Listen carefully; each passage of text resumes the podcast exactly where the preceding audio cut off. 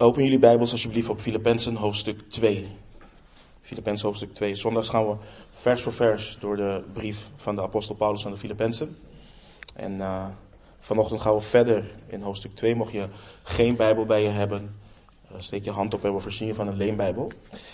Uh, de versen waarop ik jullie aandacht vanmorgen wil richten zijn versen 9 tot en met 11. De verheerlijking, de verhoging van onze Heer Jezus Christus. Voor de context wil ik wel vanaf vers 1 uh, tot en met 11 met jullie lezen. Dus laten we lezen. Um, Filippenzen 2 vanaf vers 1. Vervolgens bidden en dan uh, de tekst induiken. Paulus schrijft onder leiding van de Heilige Geest. Als er dan enige bemoediging is in Christus. Als er enige troost is van de liefde. Als er enige gemeenschap is van de geest. Als er enige innige gevoelens en ontfermingen zijn. Maak dan mijn blijdschap volkomen doordat u eensgezind bent, dezelfde liefde hebt, één van ziel bent en één van gevoelen. Doe niets uit eigen belang of eigen dunk, maar laat in nederigheid de een de ander voortreffelijker achter dan zichzelf. Laat een ieder niet alleen oog hebben voor wat van hemzelf is, maar laat een ieder ook oog hebben voor wat van anderen is. Laat daarom die gezindheid in u zijn die ook in Christus Jezus was die terwijl hij in de gestalte van God was, het niet als roof beschouwd heeft aan God gelijk te zijn, maar zichzelf ontledigd heeft door de gestalte van een slaaf aan te nemen en aan de mensen gelijk te worden. En in gedaante als een mens bevonden, heeft hij zichzelf vernederd en is gehoorzaam geworden tot de dood, ja, tot de kruisdood. En dan onze versen van vanmorgen. Daarom heeft God hem ook bovenmate verhoogd en heeft hem een naam geschonken boven alle naam, opdat in de naam van Jezus zich zou buigen elke knie van hen die in de hemel en die op de aarde en die onder de aarde zijn. En elke tong zou beleiden dat Jezus Christus de Heere is tot heerlijkheid van God de Vader. Laten we bidden. Almachtige Vader, we komen tot u Heer in nederigheid. Vader, zoals we ook al eerder hebben gebeden, alleen bij u is genade te vinden, Heer. En zo hebben we genade nodig om te begrijpen, Heer, wat u wilt zeggen door uw woord heen. We hebben uw genade nodig, Heer, om gevormd te worden naar het beeld van onze Heer Jezus Christus. Om die gezindheid te hebben die ook in Christus Jezus was. Heer, help ons vanmorgen om de verheerlijking, de verhoging van onze Heer Jezus Christus, om dat te begrijpen, om dat te aanschouwen, Heer. En um, daardoor meer ontzag voor u te hebben, Heer. Spreek tot ons, Heer. En heilig ons alstublieft door uw woord. In de naam van uw Zoon, in de naam van onze Heer Jezus Christus, bidden en vragen wij. Amen. Daarom heeft God hem ook bovenmate verhoogd en heeft hem een naam geschonken boven alle naam. Onthoud lieve mensen dat de apostel Paulus een punt aan het maken is een belangrijk punt. En alhoewel dit gedeelte wat we vanochtend behandelen absoluut gaat, absoluut gaat over de verhoging, de verheerlijking van onze Heer Jezus Christus, is dat niet de hoofdreden waarom de apostel Paulus dit gedeelte heeft geschreven. Daarom hebben we ook vanaf vers 1 gelezen. En dit is onderdeel van een groter geheel. We hadden zelfs nog een stukje eerder terug kunnen gaan. Um, de eerste echte aansporing van de apostel Paulus in deze brief kwam in hoofdstuk 1. Het evangelie van de Heere Jezus Christus waardig wandelen. Laten we weer lezen. Um, Filippenzen 1 vanaf vers 27. Ik heb, ik heb hem niet hoor. Alleen wandel het evangelie van Christus waardig opdat ik, of ik nu kom en u zie, of dat ik afwezig ben, van uw zaken mag horen dat u vaststaat in één geest en dat u samen eensgezind strijdt door het geloof in het evangelie. En dat u zich in geen enkel opzicht schrik laat aanjagen door de tegenstanders.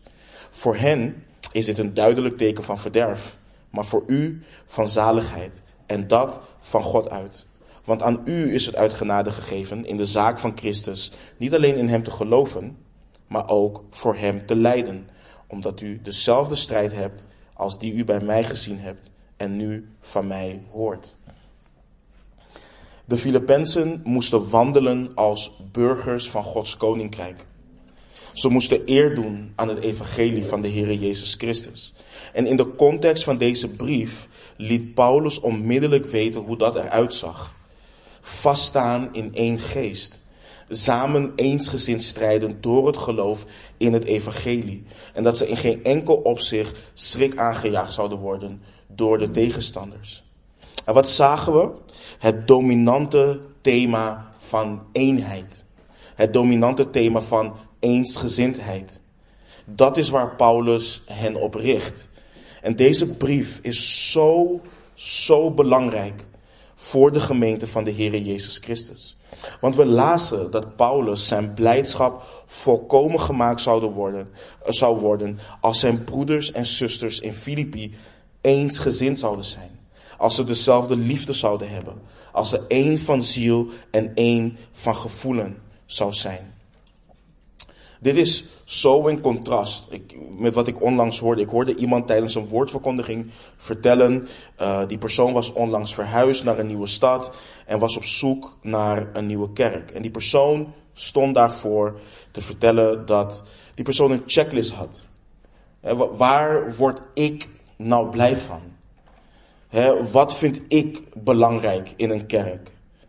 En die persoon ging er compleet aan voorbij wat de Heilige Geest duidelijk heeft gemaakt in de schrift, wat belangrijk is wat betreft een gemeente van de Heere Jezus Christus. En in deze brief zien we het continu. Eenheid, eensgezindheid, liefde, nederigheid, zelfverloochening.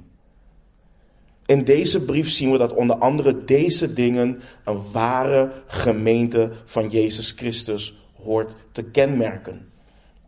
En waarom? Omdat onder andere deze dingen onze Heere Jezus kenmerkten. En daarom wees Paulus op de Heere Jezus Christus. Hij schreef, laat daarom die gezindheid in u zijn die ook in Christus Jezus was. En vorige week hebben we hierbij stilgestaan. Dat onze Heere Jezus Christus het woord wat in het begin was. Het woord wat bij God was. Het woord wat God was. Hij die de afstraling van Gods heerlijkheid is en de afdruk van zijn zelfstandigheid is. Hij die het beeld van de onzichtbare God is, Christus, in wie heel de volheid van de Godheid lichamelijk woont. Hij heeft, terwijl hij in de gestalte van God was, het niet als roof beschouwd aan God gelijk te zijn. En wat zagen we? Hij heeft zijn heerlijkheid afgelegd. Het woord is vlees geworden en heeft onder ons gewoond, onder de mensen gewoond. Hij heeft de gestalte van een slaaf aangenomen. En gekomen in een gedaante gelijk aan het zondige vlees, schreef Paulus in Romeinen 8. Hij heeft zichzelf vernederd en is gehoorzaam geworden tot de dood, ja, tot de kruisdood. En bekroond met eer en glorie, delend in de heerlijkheid van de Vader, heeft hij dat achtergelaten om te komen en te sterven voor zijn mensen die hem verlogend hebben. Die tegen hem rebelleren, die tegen hem zondigen. En wat een liefde heeft hij ons getoond, wat een genade. Dat de koning der koningen, de Heere der heren, een verachtelijke dood is gestorven. Opdat wij in hem een nieuw en glorieus leven mogen beërven door het geloof. En vrijwillig, in gehoorzaamheid, Niemand heeft het hem afgenomen. Hij gaf het uit zichzelf. Hij had macht het te geven en macht het opnieuw te nemen. En we zagen, lieve mensen, dat hij ons een voorbeeld heeft nagelaten. Als we waarlijk, waarlijk eensgezind willen zijn, dan moeten we niet denken aan wat van ons is. We moeten niet onszelf hoger achten en niet belangrijker achten dan de ander. Om in de woorden van de apostel Johannes in 1 Johannes 3:16. Hieraan leerden wij de liefde kennen. Dat Hij voor ons zijn leven heeft gegeven. Wat is de implicatie daarvan?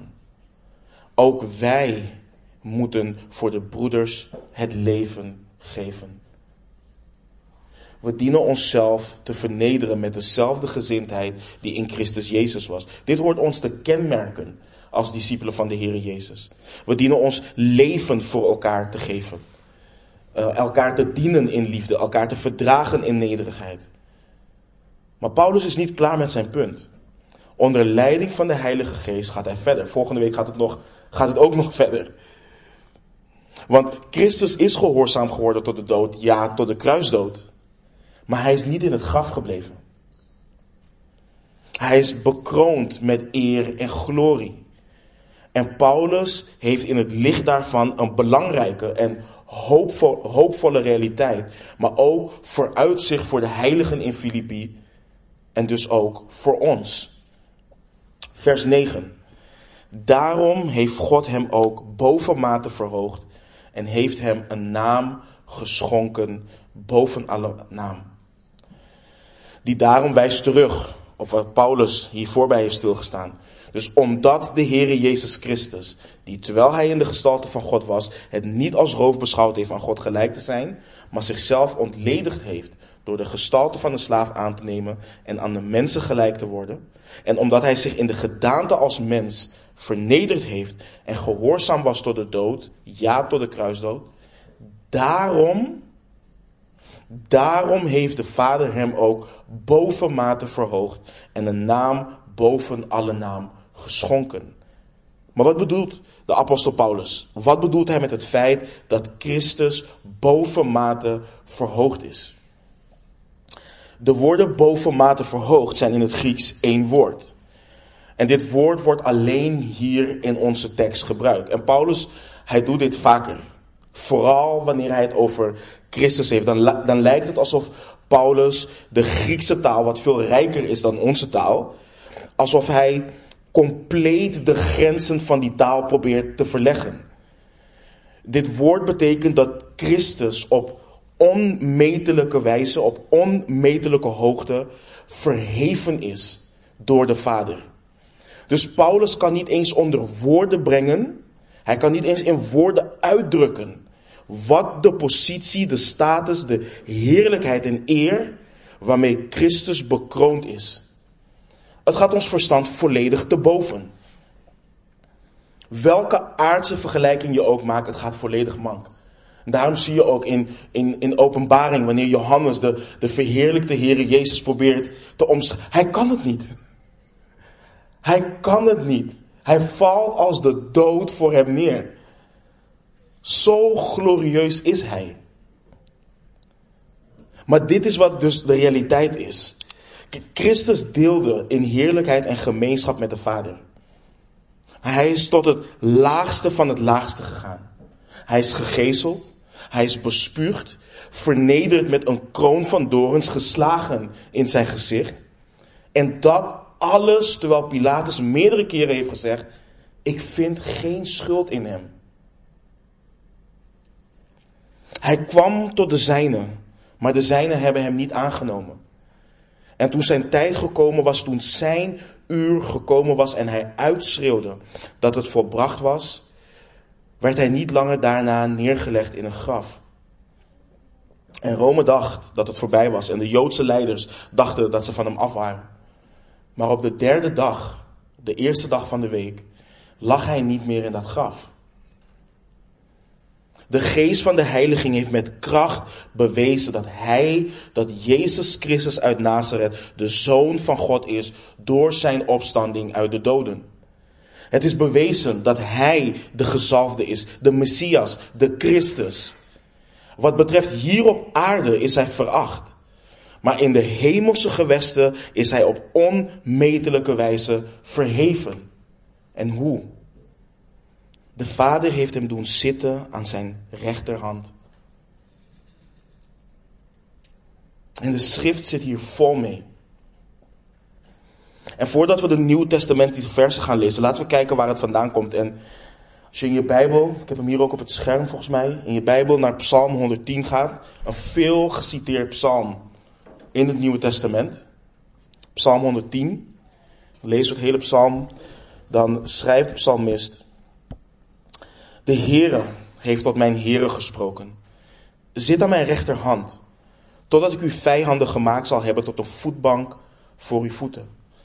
De Heere strekt uw machtige scepter uit vanuit Sion en zegt, heers te midden van uw vijanden. Uw volk is zeer gewillig op de dag van uw kracht. Getooid met heilig sieraad uit de baarmoeder van de dageraad is voor u de dauw van uw jeugd. De Heere heeft gezworen en hij zal er geen berouw van hebben. U bent priester voor eeuwig, naar de ordening van Melchizedek.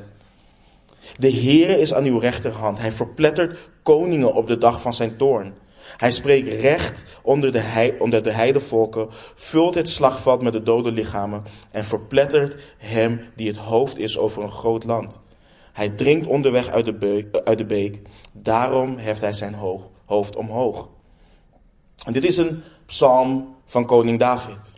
En de vraag die we onszelf moeten stellen is, gaat dit over David of over iemand anders? En vervuld met de Heilige Geest geeft de apostel Paulus in zijn eerste toespraak tijdens Pinksteren hier het antwoord op. Ik heb, ik heb hem hier uitgeschreven, want het waren veel versen, maar ga in je Bijbel alsjeblieft naar Handelingen 2 en dan lezen we vers 22 tot en met 36. Wat een dijk van een toespraak geeft Petrus hier onder leiding van de Heilige Geest. En vanaf vers 22 lezen we van Handelingen 2. Israëlitische mannen, luister naar deze woorden. Jezus de Nazarener, een man die u van Gods wegen aangewezen is door krachten, wonderen en tekenen die God in uw midden door hem gedaan heeft, zoals u ook zelf weet. Deze Jezus, die overeenkomstig het vastgestelde raadsbesluit en de voorkennis van God overgegeven is, hebt u gevangen genomen en door de handen van onrechtvaardigen aan het kruis gespijkerd en gedood. En let op. God heeft hem echter doen opstaan door de weeën van de dood te ontbinden, omdat het niet mogelijk was dat hij daardoor vastgehouden zou worden. Want David zegt over hem, ik zag de, ik zag de Heere altijd voor mij, want hij, is aan mijn, want hij is aan mijn rechterhand, opdat ik niet zal wankelen. Daarom is mijn hart verblijd en mijn tong verheugt zich. Ja, ook zal mijn vlees rusten in hoop. Want u zult mijn ziel in het graf niet verlaten en uw heiligen niet overgeven om ontbinding te zien. U hebt mij de wegen ten leven bekendgemaakt. U zult mij vervullen met vreugde door uw aangezicht. Mannenbroeders, het is mij toegestaan over de aartsvader David vrij uit te zeggen dat hij en gestorven en begraven is en dat zijn graf tot op deze dag bij ons is. Aangezien hij een profeet was en wist dat God hem met een eed gezworen had dat hij uit de vrucht van zijn lichaam, voor zover het zijn vlees betrof, de Christus zou doen opstaan om hem op zijn troon te zetten. Daarom voorzag hij dit. En zei hij over de opstanding van Christus dat zijn ziel niet is verlaten in het graf en dat zijn vlees geen ontbinding heeft gezien. Deze Jezus heeft God doen opstaan, waarvan wij allen getuigen zijn. Hij dan, die door de rechterhand van God verhoogd is en de belofte van de Heilige Geest ontvangen heeft van de Vader, heeft dit uitgestort wat u nu ziet en hoort. David is immers niet opgevaren naar de hemelen, maar hij zegt, de Heere heeft gesproken tot mijn Heere, zit aan mijn rechterhand, totdat ik uw vijanden neergelegd zal hebben als een voetbank voor uw voeten. Laat dan heel het huis van Israël zeker weten dat God hem tot een Heere en Christus gemaakt heeft, namelijk deze Jezus die u gekruisigd hebt. De Vader heeft zijn zoon bovenmate verhoogd door hem uit de doden op te wekken, de belofte die in Joël gelezen wordt te vervullen, in en door hem en door hem te doen zitten aan de rechterhand van hem. God heeft Christus verheerlijkt.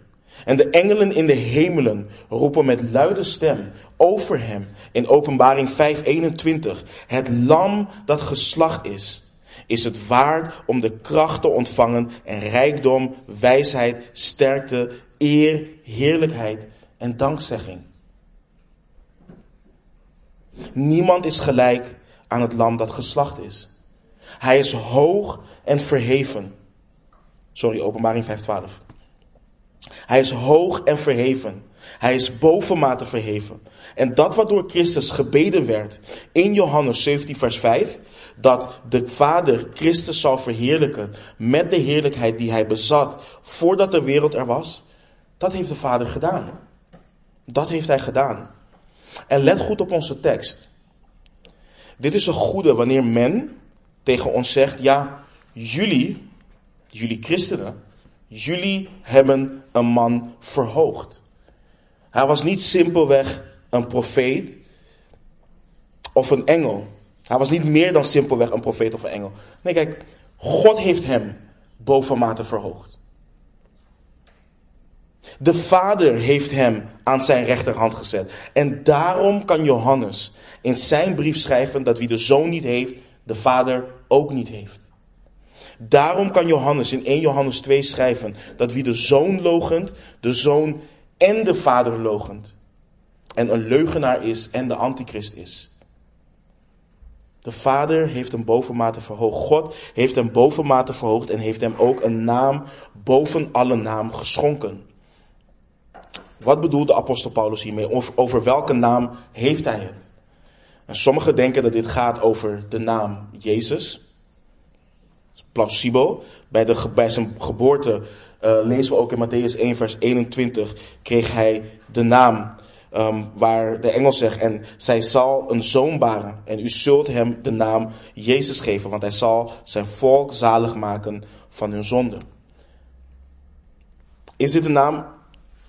Ik, ik weet het niet. Welke naam is het? Is het de goede herder? Is het de deur? Is het het brood des leven? Kijk, Paulus blijft als het ware vaag hierover. Hij noemt de naam niet. Maar wat we wel zien, en waar het antwoord geloof ik in ligt, is het feit dat het een naam boven alle naam is. En dat lezen we in vers 11. Allen zullen beleiden dat Jezus Christus de Heere is. En dat is zo essentieel. Want we hebben hier in, in een eerdere studie bij stilgestaan. Dat woord Heere is het Griekse woord kurios. Wat gelijk staat aan de oud-testamentische naam van God, van Yahweh. Dat is de naam van onze Heere. Let op wat de Heere ook zegt in Jesaja 42 vers 18. Ik ben de Heere. Dat is mijn naam. Mijn eer zal ik aan geen ander geven. Evenmin mijn lof aan de afgodsbeelden. Dit vers is zo cruciaal. Want als de zoon zegt dat hij komt in de heerlijkheid, in de eer van de vader, dan moeten we ons afvragen wat de Heer dan bedoelt met dit vers. Dit is onze God. Maar let ook op wat er in Jesaja 45 staat. Jesaja 45 vers 22 en 23. Wend u tot mij. Word behouden. Alle einden der aarde. Want ik ben God en niemand anders.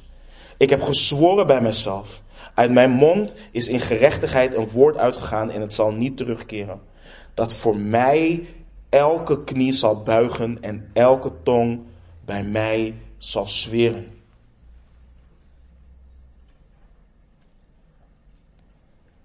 Dit is wat, dit is wat de apostel Paulus citeert over onze Heer Jezus Christus. Nu is het volgende belangrijk. We hebben hier ook bij stilgestaan. Dit gaat om wat de naam vertegenwoordigt. De grote ik ben. Om wie hij is in zijn wezen. Wat en wie hij is in zijn aard. Christus heeft de naam boven alle naam, want hij is God. En de Vader bevestigt dat. Hij is God. Dus we zien de verhoging in wat hij heeft gedaan. In het opwekken van de Heer Jezus Christus uit de doden. En hem zetten aan de rechterhand van de Vader. We zien dat. Daar zien we het in. En we zien het nu ook tegenwoordig in het feit dat alleen, en dat is zo belangrijk, in zijn naam mensen gered kunnen worden. Het is alleen in en door Christus waardoor mensen gered kunnen worden. Alleen door zijn naam. Christus zei, we kennen dit vers allemaal, Johannes 14, vers 6. Ik ben de weg, de waarheid en het leven. Niemand komt tot de Vader dan door mij. In hem en in hem alleen had de Vader zijn welbehagen. In hem alleen zijn mensen voor de grondlegging van de wereld uitverkoren. Door hem alleen heeft hij mensen voorbestemd om aangenomen te worden als zijn kinderen. In hem alleen is de verlossing, door zijn bloed, namelijk de vergeving van zonde en de overtredingen. Alleen allen die hem hebben aangenomen, hun heeft hij macht gegeven kinderen te worden van God, namelijk die in zijn naam geloven. Door geloof in Hem alleen kan men verzoend worden met de Vader. En in Hem alleen worden mensen besneden met een besnijdenis die niet met handen plaatsvindt. Van Hem alleen getuigen al de profeten dat ieder die in Hem gelooft vergeving van zonde ontvangen zal door Zijn naam. En de zaligheid is in geen ander, zei de apostel Petrus, want er is onder de hemel geen andere naam onder de mensen gegeven waardoor wij zalig moeten worden. Er is geen leven in een andere naam dan in zijn naam. Jezus Christus is de Heer. En engelen buigen voor zijn naam. Demonen sidderen door zijn naam. En lieve mensen, ik wil dat jullie dit zien, dat jullie dit begrijpen. Dit is niet zomaar een theologisch hoogstandje. Dit is waar. Er is niemand, niemand die een naam heeft boven de naam van onze Heer. Er is niemand die kan zeggen, behalve onze Heer Jezus Christus. Ik ben de Heer. Ik ben de Heer. De Vader heeft hem bovenmate verhoogd en heeft hem de naam boven alle naam gegeven. En hij zit aan de rechterhand van de Vader en hij zit daar totdat al zijn vijanden gemaakt zijn tot een voetenbank onder zijn voeten. Dit is onze God. Dit is onze koning, onze Heer. Hij regeert. Hij heerst over alles en iedereen. Maar wat zijn nu de implicaties hiervan? Wat heeft dit met het punt te maken wat Paulus probeert te maken? Als jullie jullie zelf vernederen, zal God jullie verhogen. En begrijp me niet verkeerd, we vernederen onszelf niet om verhoogd te worden. Dat is niet wat Paulus schrijft, dat is niet waar hij het over heeft. We forceren Gods hand niet om onszelf te verhogen. Dit gaat om het hart. Dit gaat om onze gezindheid. Het is hetzelfde als wanneer mensen zeggen: geef zodat je zult ontvangen. Nee, dat is niet wat hier wordt geleerd. We zien dat God het initiatief nam. En we zien hier ook niet dat de Heer Jezus dit heeft gedaan, zodat hij verhoogd kon worden. Hij was al in de gestalte van God. Dus dat is niet waar dit om draait. Maar het gevolg is wel dit. Als je in nederigheid jezelf verlaagt, als je jezelf vernedert, dan zal God je verhogen. Verhoog jezelf niet. Heb de gezindheid van Christus onderling. En dit gaat in tegen onze gevallen natuur. En het helpt ook niet dat we hier in het Westen leven waarin alles draait om het verhogen en het verheffen van jezelf. Want in onze maatschappij draait het om status, het draait om um, macht, om glamour, om rijkdom. En dat zijn de manieren waarop je dingen voor elkaar krijgt. Dat is de manier in onze gevallen wereld. In onze gevallen wereld draait het om het krijgen. Die baan krijgen, die auto krijgen, een verhoogde status krijgen en ga zo maar door. Maar onder leiding van de Heilige Geest maakt de apostel duidelijk, uh, maakt de apostel Paulus duidelijk, wat ons zou moeten kenmerken als kerk, als discipelen van de Heer Jezus, is het geven in plaats van nemen en krijgen. Is het dienen in plaats van gediend worden. Nederigheid in plaats van heersen. En dit strekt verder dan alleen naar elkaar als broeders en zusters. Dit gaat door naar ouders, grootouders, getrouwde stellen, kinderen en ga zo maar door. We dienen de gezindheid van Christus te hebben. En het is belangrijk om te weten, wij zullen geen naam boven alle namen ontvangen. Dat is voor Christus. Maar het prachtige is, wij mogen delen en wat hij heeft ontvangen. Wij zijn mede-erfgenamen gemaakt samen met Christus Jezus. En in deze wereld zul je wellicht veracht zijn, zul je wellicht belachelijk gemaakt worden, zul je wellicht vernederd worden. Maar je schat is in de hemelse gewesten. En vaak is de reden waarom we ons daar niet in kunnen verheugen, is omdat we nog te aardsgericht zijn. We willen het hier en we willen het nu. Maar wij zijn geen burgers van hier. Ons burgerschap ligt in de hemelen. Jouw kroon van het leven ligt in Christus.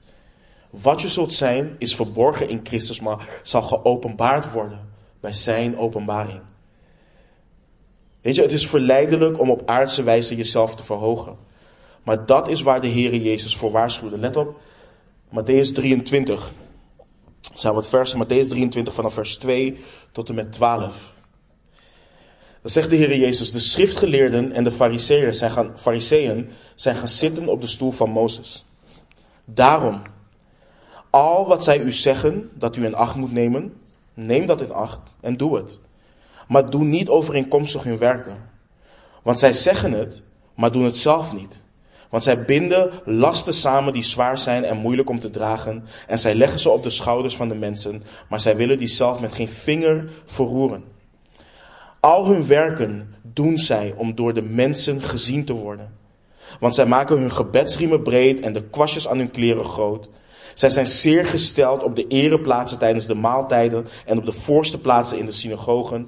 Zij zijn ook belust op de begroetingen op de markten en om door de mensen rabbi, rabbi genoemd te worden. Maar u mag zich geen rabbi laten noemen, want één is uw meester, namelijk Christus. En u bent allen broeders. En u mag niemand op de aarde uw vader noemen, want één is uw vader, namelijk hij die in de hemelen is. En u mag niet meesters genoemd worden, want één is uw meester, namelijk Christus. Maar de belangrijkste van u zal uw dienaar zijn. En wie zichzelf zal verhogen, zal vernederd worden. En wie zichzelf zal vernederen, zal verhoogd worden. Als wij de houding aannemen van de fariseeën en de schriftgeleerden, dan hebben wij hier ons loon al ontvangen. En zal de Heere God ons vernederen. Maar als we de gezindheid van Christus hebben en onszelf vernederen, dan zal God ons verhogen. Spreuken 29, vers 23 leert ook, de hoogmoed van een mens zal hem vernederen, maar de nederige van geest zal de eer vasthouden. Weet je, als je googelt en op zoek gaat naar seculiere boeken over nederigheid, je kunt ze op je handen tellen. Je kunt ze op je handen tellen. Dit is niet iets wat de wereld leert. De wereld leert dit niet. De wereld leert dat je voor je recht moet gaan. Dat je voor jezelf moet gaan. Dat je jezelf moet verhogen. Dat is wat de wereld leert. En van ons zeggen ze dan dat wij makke schapen zijn. Ik ben een schaap van Christus en ik, ik draag die titel met eer. De hoogmoed van een mens zal hem vernederen, maar de nederige van geest zal de eer vasthouden.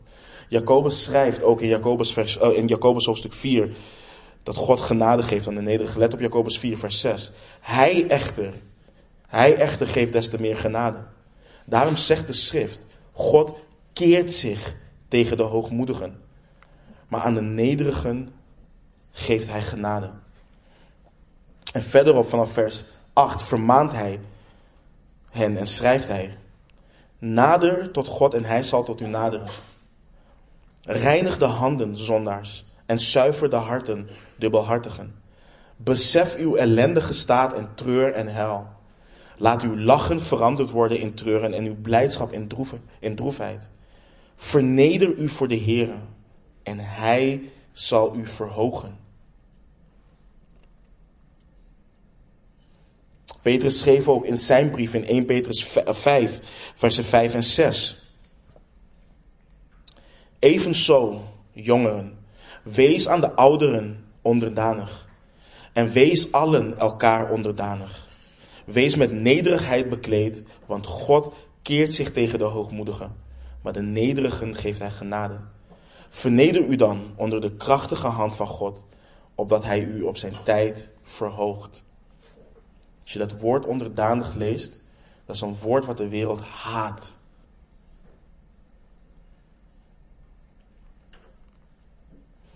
Maar wanneer wij hier gehoor aan geven, laat het ook zien dat we erkennen dat Hij Heer is. Dat Hij Heer is in onze onderlinge band als broeders en zusters. En dat Zijn liefde regeert in ons midden. En dat ondanks onze status nu, ondanks onze positie nu, wat de wereld ook zegt van ons, Hij zal ons verhogen. Wat een troost en bemoediging is dit voor ons.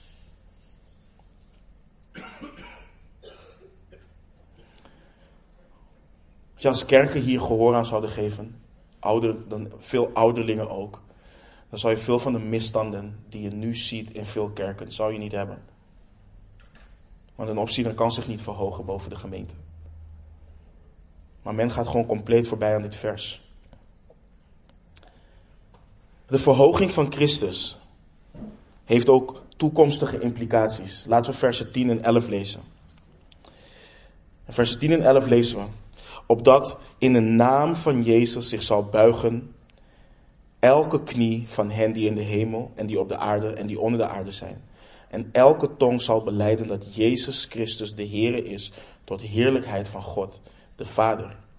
Dit is niet de enige keer dat de apostel Paulus dit schrijft. Hij schrijft het ook in Romeinen 14, Romeinen 14 vers 11. Dan staat er, want er staat geschreven, zo waar als ik leef, zegt de Heer, voor mij zal elke knie zich buigen en elke tong zal God beleiden. Dus Paulus citeert hier wat we eerder al hebben gelezen, namelijk Jesaja 45. En broeders en zusters, bij de eerste komst van onze Heer Jezus Christus kwam hij in nederigheid en stierf hij aan het kruis om ons vrij te kopen als slaven van de zonde. Maar wanneer Christus terug zal komen in heerlijkheid, zal hij komen als de koning die hij is en zullen alle knieën buigen voor hem. Met het feit dat Paulus schrijft, hen die in de hemel en die op de aarde en die onder de aarde zijn, bedoelt hij dat in heel het universum.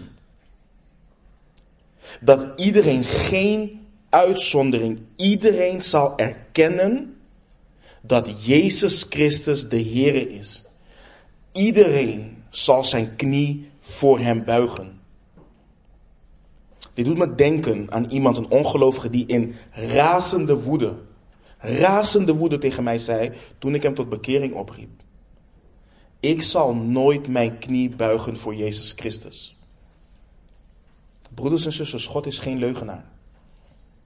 Hij is geen leugenaar. Dit wat hier staat is waar. Dit is waar. Iedere knie zal buigen voor Christus. Want God heeft hem bovenmate verhoogd. En God heeft hem een naam boven alle naam geschonken. Zijn vijanden, allen die tegen hem zijn, zullen erkennen en zullen voor hem buigen. Want ze zullen tot zijn voetbank onder zijn voeten gemaakt worden. Allemaal. Allemaal. En daarom, daarom ook wanneer ik kijk naar alles wat er momenteel in de wereld gebeurt. Net zoals er in de psalmen staat. Dat de Heere en zijn gezalfde zijn lachen. Men kan doen wat ze willen. Maatregel op maatregel kunnen ze, alles kunnen ze invoeren. Er komt een dag dat Christus komt en hij zal afrekenen met allen die tegen hem zijn. En wij als discipelen staan aan zijn kant.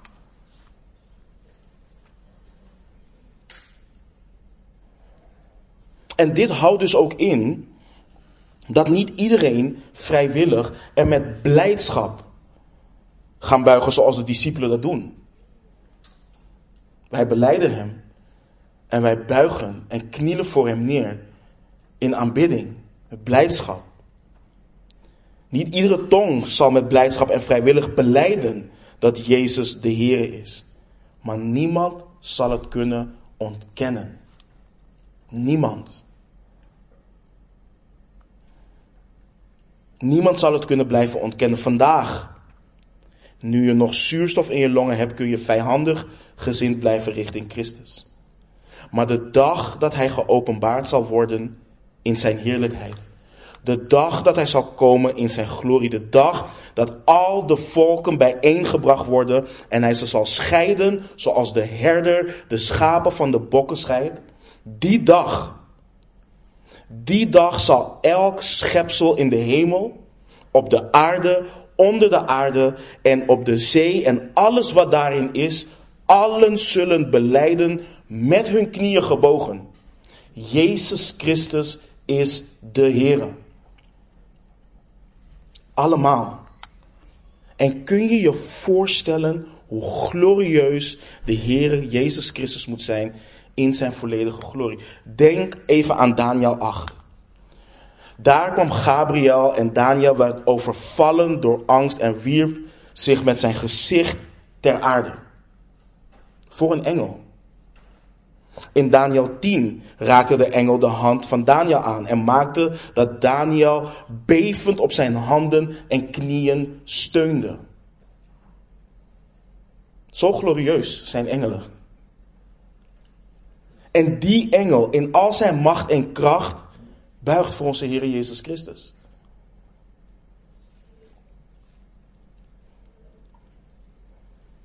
En dit allemaal tot heerlijkheid van God de Vader. Dit allemaal in lijn met wat de Heer Jezus zelf heeft gezegd in Johannes 5, vers 22 en 23. Want ook de Vader oordeelt niemand. Maar heeft heel het oordeel aan de Zoon gegeven, opdat allen de Zoon eren zoals zij de Vader eren. Wie de Zoon niet eert, eert de Vader niet die hem gezonden heeft. De Vader en de Zoon zijn één. En wanneer de Heer Jezus Christus wordt verheerlijkt, wordt de Vader ook verheerlijkt. En dit laat ons zien dat alles wat God doet tot heerlijkheid en eer is van zichzelf.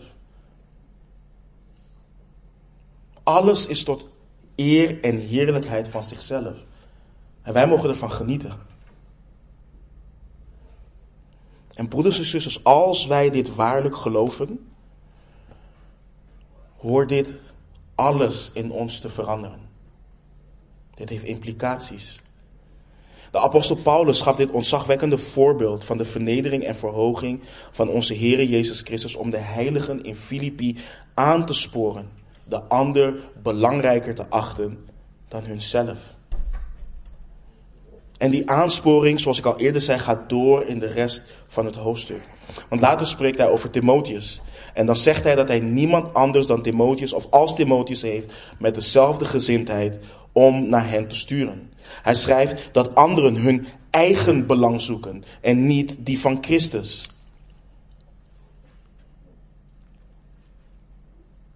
En dit laat ons zien dat anderen belangrijker achten dan onszelf onlosmakelijk verbonden is met wat we geloven over wie Christus is en wat Hij gedaan heeft. Kijk, we kunnen allen zeggen dat we nederig willen zijn. En we kunnen allen zeggen dat we geloven wat Christus voor ons heeft gedaan. Er zijn veel mensen die dat beleiden. Maar het waarlijk begrijpen van zijn vernedering en verhoging hoort zichtbaar te zijn in hoe wij onszelf opstellen richting anderen, richting elkaar als broeders en zusters. Dat het evangelie echt gestalte in ons heeft gekregen en ons waarlijk heeft getransformeerd, is dat we echt de gezindheid hebben van Christus en dat het zichtbaar is in onze nederige houding. In een getrouwd stel waar de man hoofd is van het gezin, hoort de man zijn vrouw belangrijk te achten dan zichzelf. Hij hoort oog te hebben voor wat van zijn vrouw is. In een gemeente waar opzieners geestelijk leiders zijn, hoort een ouderling zichzelf niet belangrijker te achten dan de rest van de gemeente. Hij hoort niets uit eigen dunk of eigen belang te doen, maar in nederigheid de ander belangrijker te achten dan zichzelf. Want Christus is onze opperherder. Hij is verhoogd. Hij is het hoofd. En hij heeft de naam boven alle naam. Wij zijn slechts schapen. En broeders en zusters, laat dit ons aansporen tot onderlinge nederigheid. Dat wij elkaar dienen. Zoals de Heer der Heren niet gekomen is om gediend te worden, maar om te dienen. Laat dit ons ook aansporen om stand te blijven houden tijdens moeilijkheden. Broeders en zusters, we geloven of we beleiden te geloven dat God soeverein is. Maar toch wanneer we ons bevinden in moeilijkheden, dan rennen we rond als kippen zonder kop. En ik zelf ook. Maar hoe rijmen we dat met het geloof en de beleidenis dat Hij soeverein is? Dat Hij zit op de troon, dat Hij regeert. Dat niets gebeurt zonder dat Hij het weet.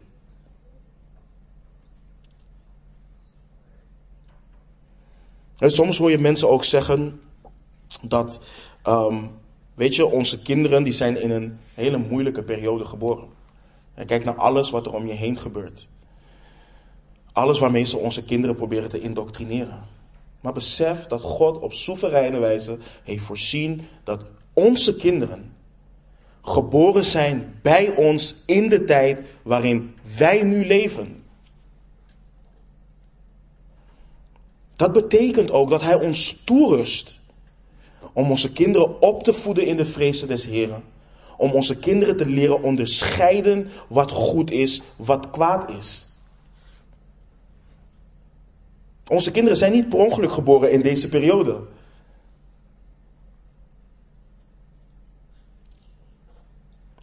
Hij regeert en hij heeft overwonnen.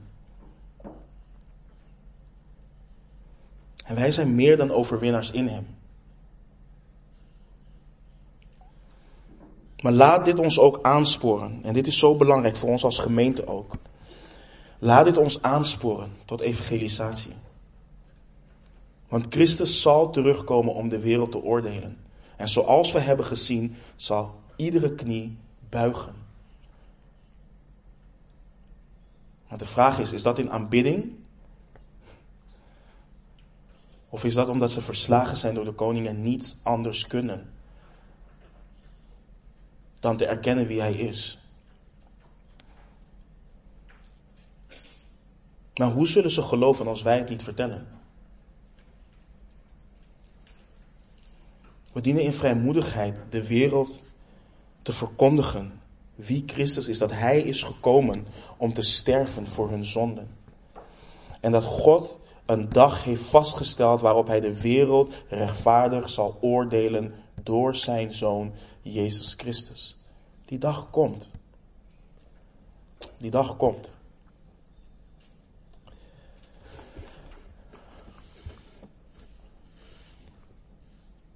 Daarom heeft God hem ook bovenmate verhoogd en heeft hem een naam geschonken boven alle naam opdat in de naam van Jezus zich zal buigen elke knie van hen die in de hemel en die op de aarde en die onder de aarde zijn.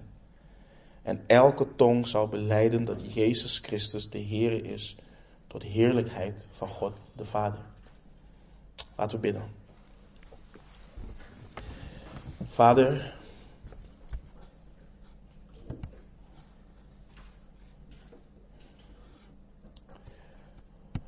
dank u wel, Heer. Heer, woorden schieten tekort, Heer. We zien dat een geleerd man als de apostel Paulus niet eens helder in woorden kan uitdrukken hoe glorieus onze Heer Jezus Christus is. We zien dat zijn glorie zo overweldigend is dat Johannes als de dood voor hem neervalt. En we zien, Heer, dat uw woord ons leert dat u hem bovenmate onmedelijke wijze hebt verhoogd, Heer. En met ons eh, beperkt verstand kunnen wij er niet bij, Vader. Maar Heer, u heeft ons het geloof geschonken dat dit waar is.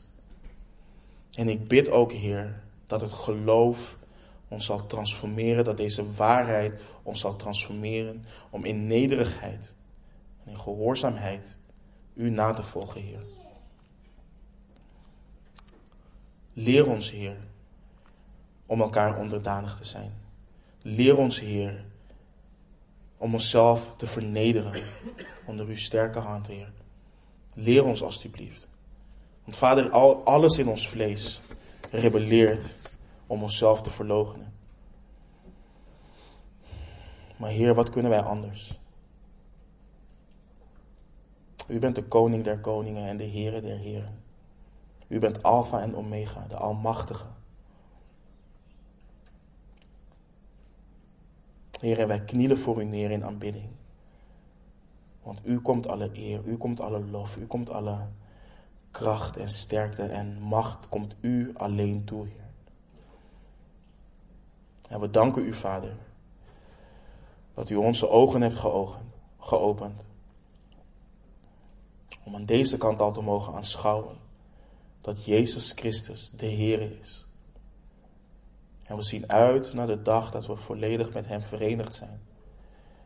En voor altijd bij U zullen zijn, Heer. Vader, we danken U. We loven U. We prijzen Uw heilige naam. En Vader, we bidden en we vragen om genade en barmhartigheid over hen die onze Heer Jezus Christus niet erkennen. Die het evangelie van onze Heer Jezus Christus ongehoorzaam zijn. We bidden en we vragen om genade opdat u de sluiers van hun ogen wegdoet. En u hen bekering en geloof schenkt. Open hun harten, Heer.